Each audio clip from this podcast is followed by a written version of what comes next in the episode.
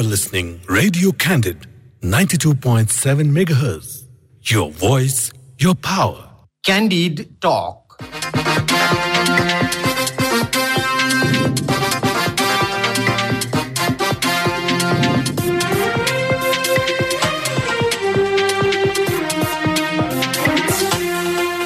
नमस्कार क्यान्डिड टकमा तपाईँलाई स्वागत छ। म धीरज बस्नेत। रेडियो क्यान्डिडको प्रस्तुति कार्यक्रम क्यान्डिड टक तपाईँले शनिबार बाहेक हरेक दिन बिहान साढे छ बजेबाट सात बजेसम्म आधा घण्टा सुन्दै आइरहनु भएको छ।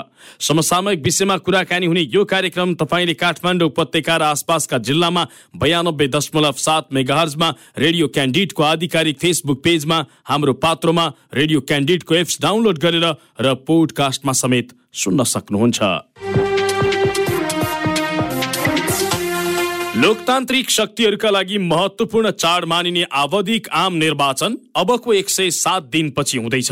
प्रतिनिधि सभा र प्रदेश सभाको दोस्रो कार्यकालका लागि आउँदो मङ्सिर चारमा एकै चरणमा निर्वाचन गर्ने गरी सरकारले निर्णय गरेको छ।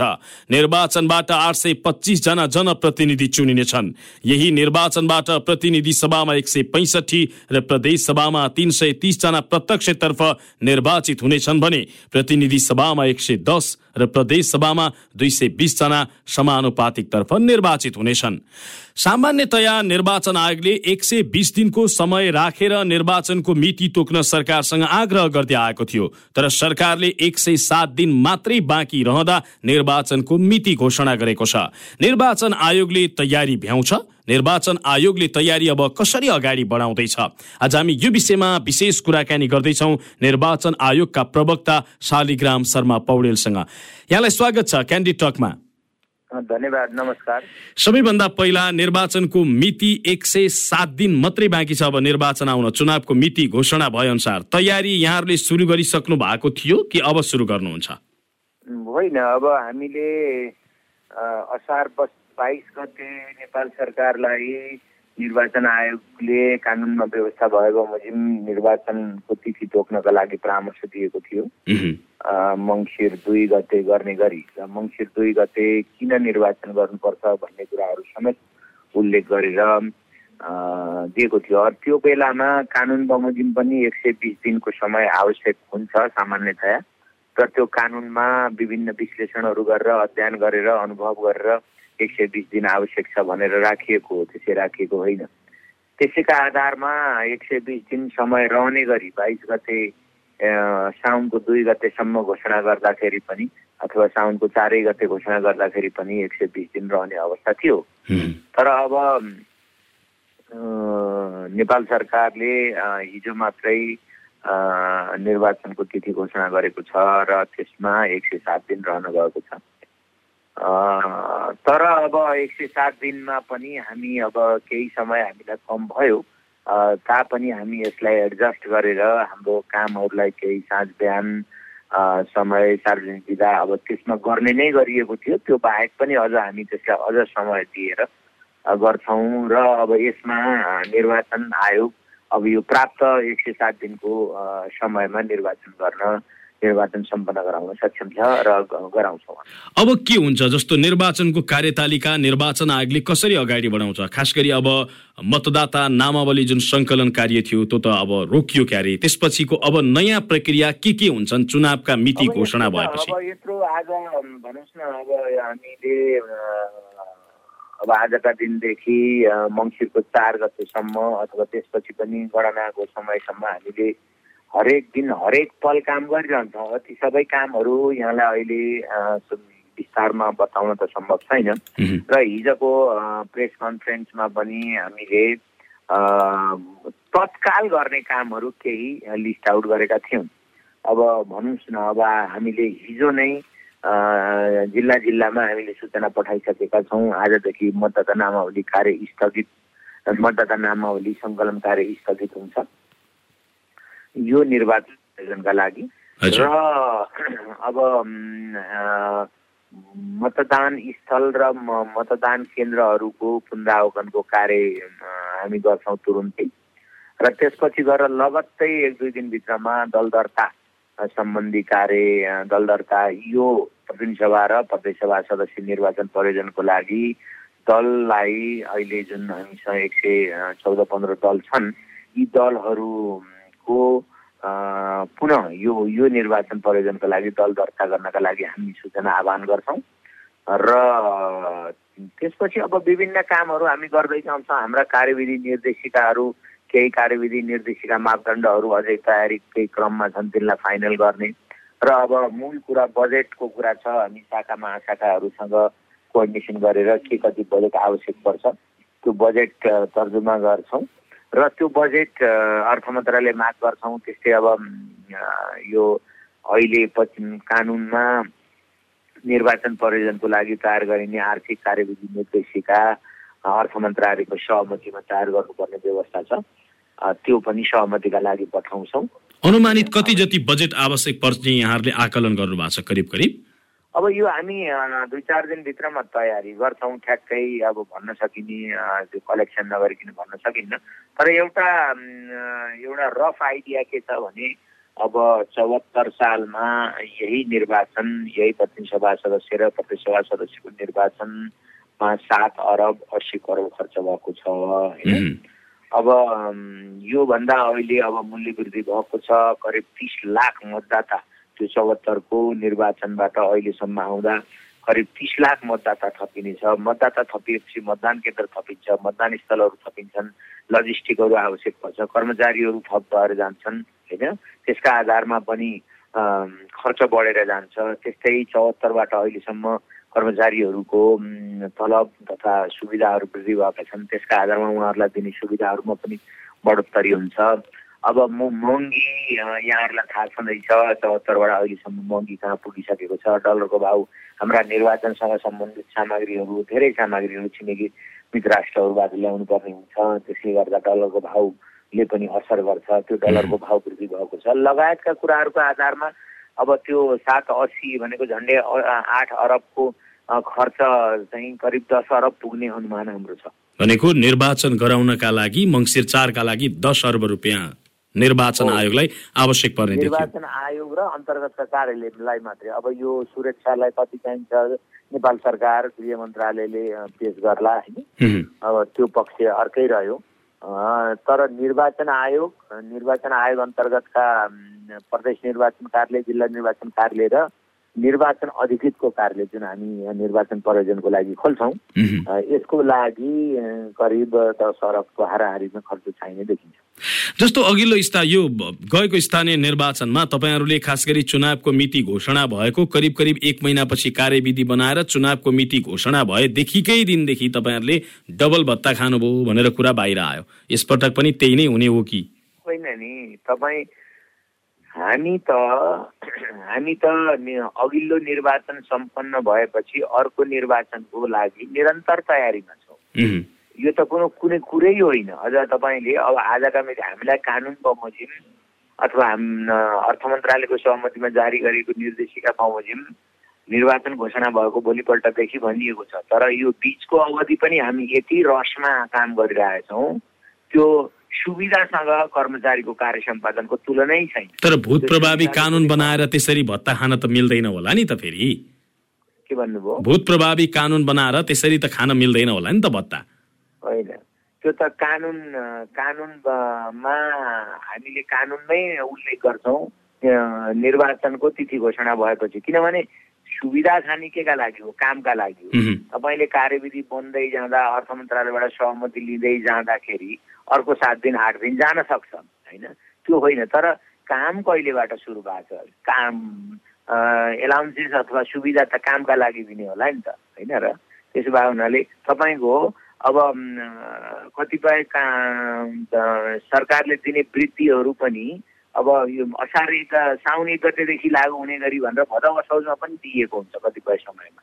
बजेट बजेट हाम्रा कहिले काहीँ असारमा नआएर साउनमा भदौमा बजेट आएका हुन्छ तर साउन एक गतेदेखि भनेर लागू हुने गरी दिइएको हुन्छ कि? त्यसो भए हुनाले सबै कुरामा भूत प्रभावी कानुन लागू हुँदैन भन्न चाहिँ मिल्दैन होइन? कतिपय कानुनहरू भूत प्रभावी पनि हुन्छन्। जुन तपाईँहरूले अभ्यास गर्दै आउनु भएको छ। हो हो। यो कामका आधारमा दिने चिज हो। काम गर्यो कि गरेन मूल कुरा त्यो हो। तर कतिपयले कि निर्वाचन आयोगसँग गर्ने गरेको गुनासो म अर्को पाटोमा छिर्नै बाँकी छ। थोरै यो आर्थिक पाटो आएकोले मैले तपाईँसँग जान्न खोजिहालेको। निर्वाचन आयोगका कर्मचारी पदाधिकारी निर्वाचन गराउनकै लागि खटिएका हुन् निर्वाचन गराउनकै लागि तलब सुविधा खाइराखेका छन् त्यसका अतिरिक्त चुनावको मिति घोषणा हुने बित्तिकै ठुलै चाड आ जस्तो उत्सव आ जस्तो निर्वाचन आयोगका कर्मचारीलाई पदाधिकारीलाई जहाँ एक पाइलो सारे पनि काहीँ हिँडे पनि केही बोले पनि केही गरे पनि जे गरे पनि भत्ता चाहिँ यो किन यसरी चाहियो? पैसा त यहीँ पो चाहिँ सकिएको छ भन्ने खालका प्रश्न तपाईँहरूमाथि उठिरहेको हुन्छन् नि। सबभन्दा पहिला मैले यहाँलाई के चाहिँ निवेदन गरौँ भने चौहत्तर सालको निर्वाचन अथवा योभन्दा अगाडिको निर्वाचनसँग यो निर्वाचनलाई तुलना गरेर यहाँहरू जस्तो एउटा मिडियाको मान्छेहरूले गो हेरेर गरिदिनुहोस्।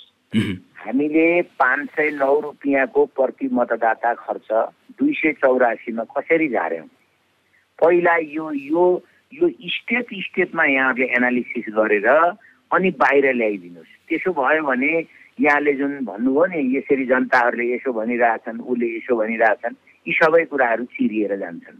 एउटा कुरा त्यो।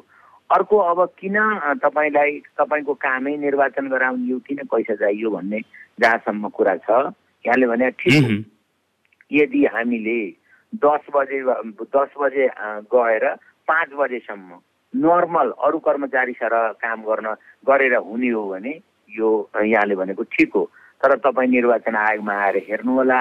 अब आजदेखि हाम्रो सुरु भइसक्यो। नौ बजेदेखि बेलुका सात बजीसम्म हामीले हिजै सूचना जारी गरिसक्यौँ। त्यसपछि हामीलाई शनिबार हुन्न। अब आउँदैछ दसैँ र तिहार। पन्ध्र दिन छुट्टी हुँदैछ। त्यो छुट्टीको बेलामा पनि यहाँहरू निर्वाचन आयोग आएर हेर्नुहोला।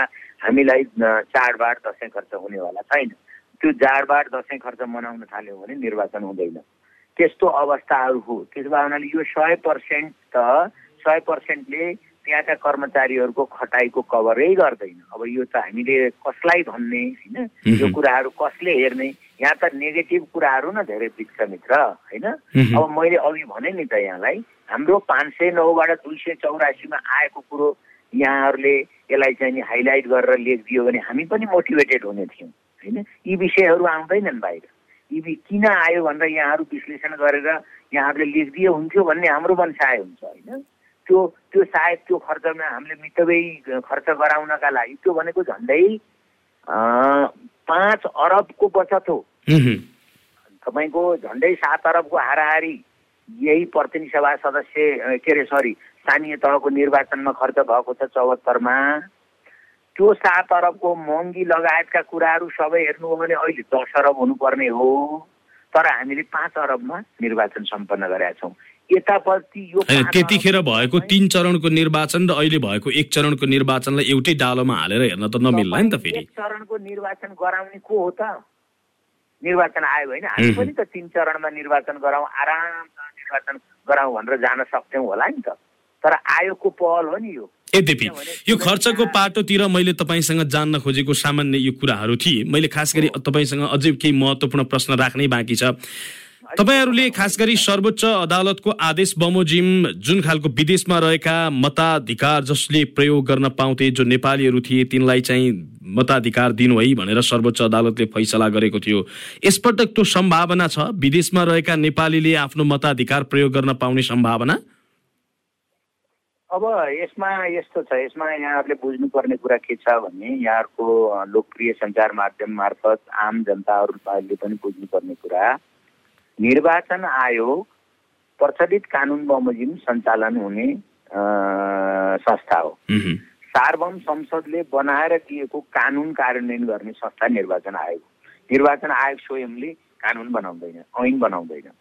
अब अहिलेका निर्वा जति पनि हाम्रा निर्वाचन कानुन छन् यसमा नेपालभन्दा बाहिर मतदान केन्द्र कायम गर्ने र नेपालभन्दा बाहिर निर्वाचन गराउने कुनै पनि व्यवस्था छैन।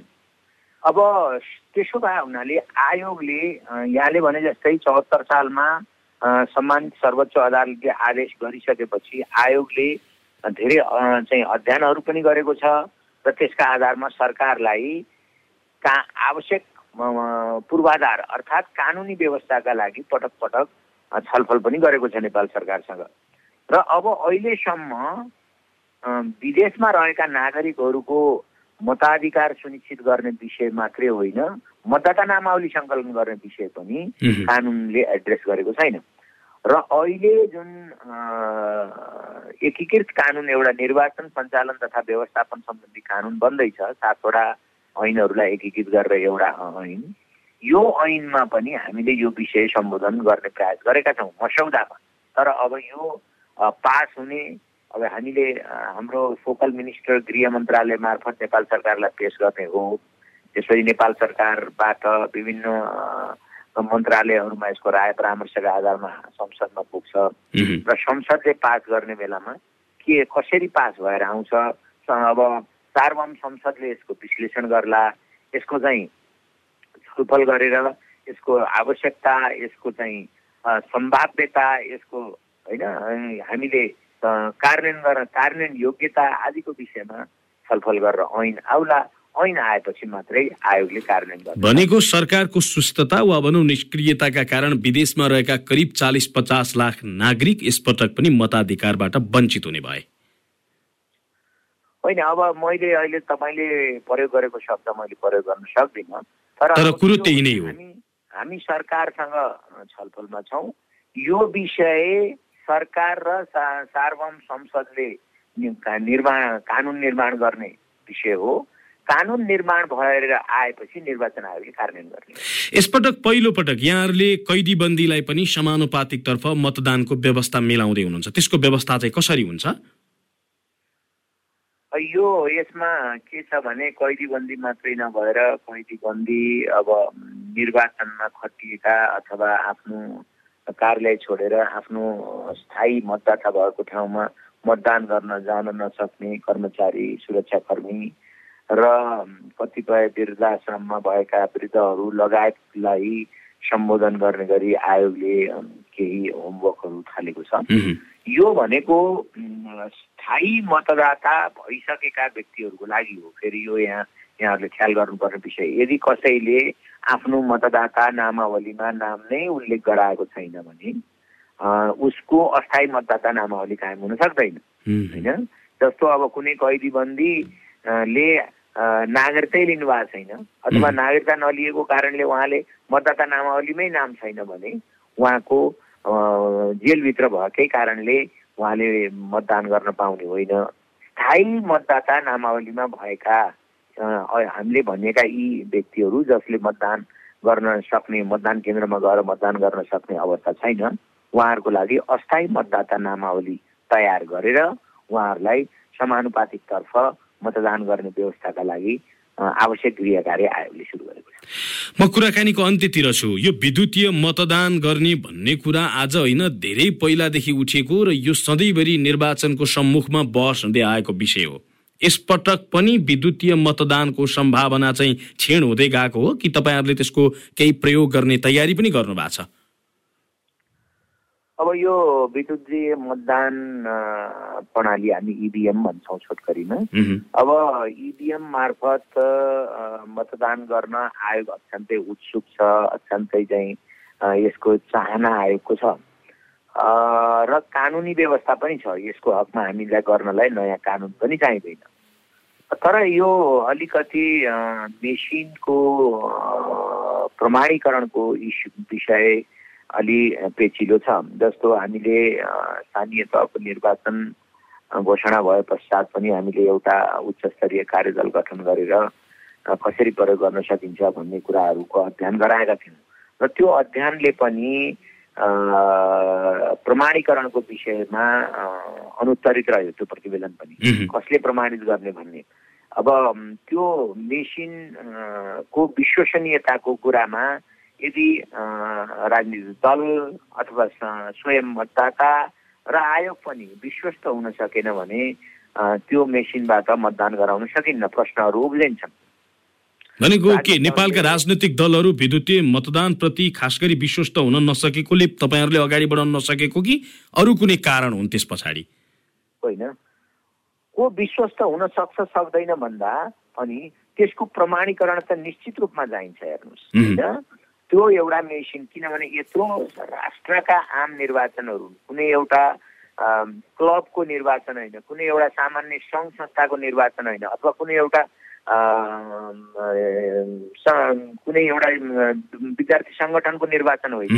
होइन यो निर्वाचनमा राजनीतिक दल मात्रै होइन स्वयं मतदाता पनि विश्वस्त हुनु जरुरी छ जस्तो मैले यहाँलाई उदाहरण दिउँ त यहाँले मान्नुहोस् पाँच केजीको एउटा कुनै रोटी पकाउने आटा किनेर ल्याउनु भयो भने त्यो आटाको बाहिरको प्याकमा यहाँले हेर्नुहुन्छ नेपाल गुणस्तर चिन्ह छ कि छैन। अथवा इन्डियन आइएसआईको निर्वाचन चिन्ह छ कि के अरे निर्वाचन गुणस्तर चिन्ह छ कि छैन अथवा अन्य कुनै देशको गुणस्तर चिन्ह यहाँले हेर्नुहुन्छ त्यो गुणस्तर चिन्ह देख्दा साथ तपाईँको मनमा एक खालको विश्वास पैदा हुन्छ कि ओके यो चाहिँ गुणस्तरीय छ है फलाना हाम्रो चाहिँ नि आधिकारिक संस्थाले यसलाई प्रमाणित गरेको छ। होइन रड किन्न जानुभयो भने गुणस्तर चिन्ह हेर्नुहुन्छ सिमेन्ट किन्न जानुभयो भने गुणस्तरको चिन्ह हेर्नुहुन्छ त्यस्तै यस्तो निर्वाचन संवेदनशील चिज जुन चाहिँ चाहिँ नि यसमा तपाईँको घुसपैठका गुन्जायसहरू हुन्छन् धाँधलीका गुन्जायसहरू हुन्छन् यसमा ह्याकिङका गुन्जायसहरू हुन्छन् यस्तो मेसिनमा त्यो सबै कुरा हुन सक्दैन भन्ने कुरामा तपाईँ मतदाता पनि निश्चित हुन जरुरी छ। तपाईँ मतदाताले नै गएर तपाईँले त्यहाँ त्यो विद्युतीय मेसिनमा तपाईँले थिचिरहँदा तपाईँले जुन निर्वाचन चिन्हमा सङ्केत गर्नुभएको छ त्यसैले भोट पाउँछ भन्ने कुरामा तपाईँ मतदाता पनि विश्वस्त हुन जरुरी छ।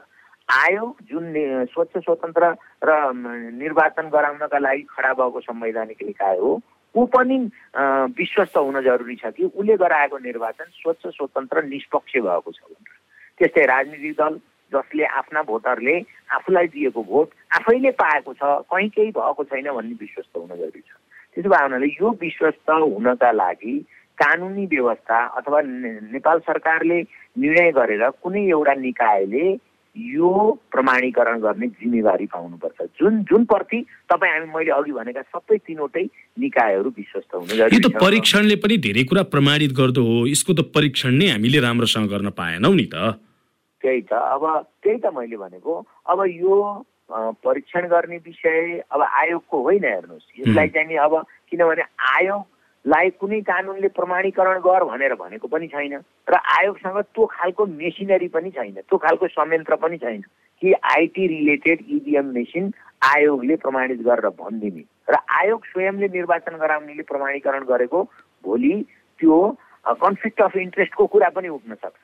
भनेको यही तरिकाले त आम मतदाताले अझै दसौँ वर्षसम्म यसै गरी कागज बोकेर मत खसाउनेको विकल्प अर्को कुनै पनि देखिएको छैन होइन अब मैले यहाँलाई भएको वस्तुस्थिति पस्केँ होइन. बाँकी अब यसको निष्कर्ष निकाल्ने काम यहाँको हो तर अब मैले अलिकति के भनौँ भने आयोगले यो स्थानीय तहको निर्वाचन सम्पन्न भइसकेपछि फेरि पनि इभिएमको बारेमा केही छलफल निष्क गरेर एउटा निर्णयमा के पुग्यो भने यदि नेपालभित्र भएका इभिएम मेसिन नै पर्याप्त छन् र ती ती मेसिनबाट निर्वाचन सम्भव छ भने त्यसको प्रमाणीकरणको विषय र होइन बाहिरबाट ल्याउनु पर्ने छ भने बाहिरबाट ल्याउने बन्दोबस्त र बाहिरबाट ल्याएको मेसिनको प्रमाणीकरणको विषय यो दुईटा विषय चाहिँ को व्यवस्थापनका लागि सरकारलाई लेखेर श्रावण महिनाभित्रमा यसको टुङ्गो लाग्नुपर्छ. भनेको हो आखिर स्रोत साधन र मैले अघि जति पनि प्रमाणीकरणका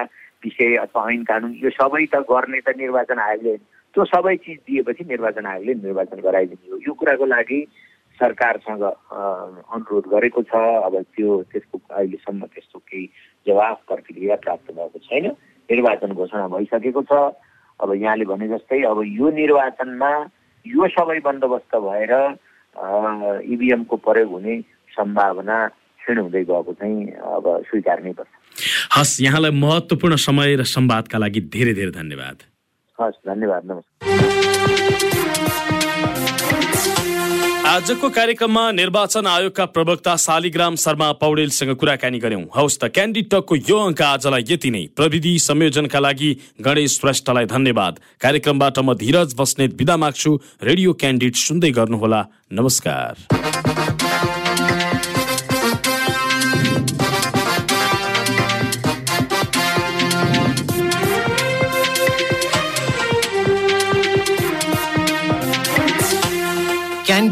stall